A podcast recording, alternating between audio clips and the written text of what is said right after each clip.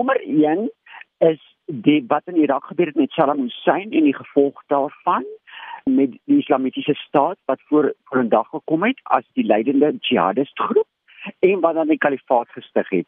Daardie het ons gesien dat daar tussen Al-Qaeda en islamitiese staat op leierskapsvlak eintlik maar 'n wetywering was rondom wie leiding moet neem. Al-Qaeda het intussen sy posisie gevestig, versterk en verenig. Al-Qaeda het hom gaan self vestig binne bepaalde areas soos Sirië, Kenia, Somalië en dan ook Jemen en waar hulle self gekonsolideer het in 'n spesifieke area en van daar af hulle posisie gekonsolideer het. 'n Magstryd is nou aan die gang tussen die groepe en die sogenaamde Islamitiese staat verkeer toenemend onder druk. Wat ons sien is Al-Qaeda wat al hoe meer sterker vorendag tree met sy propaganda veldtogte waarin aanvalle teen die westerse wêreld weer eens beklemtoon word, waarin Al-Qaeda basies tyd uitwag om homself as the great redeemer in die jihadist wêreld aan te kondig en daardeur weer leiding te neem in aanvalle. Volgens Opperman kan westerse lande dit nie in hierdie stadium bekostig om die een groep bo die ander te plaas wat teen terreurstrategieë betref nie.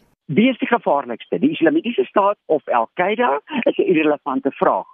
Al-Qaeda het nog sy selfstrukture, het nog sy ondersteuners met die Islamitiese staat en die westerse wêreld kan nie bekostig om een van die groeperinge te ignoreer as dit kom by terreuraanvalle nie. Intussen sê Opperman Amerika se teenterreurstrategie het nie merkwaardig verander nie. Hulle sien dit nog steeds as 'n oorlog wat gevoer word en daardeur Hulle sê hulle is heeltyd besig om die vinger te verwys na die Midde-Ooste.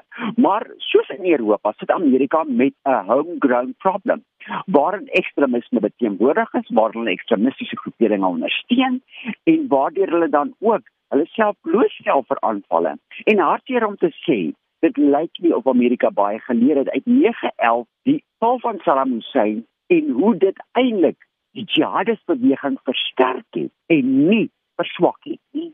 Dit was Jasmine Opperman, die Afrika-direkteur van die Terreurnavorsings- en Ontledingskonsortium. Ek is Marlene Forsie vir SAK nuus.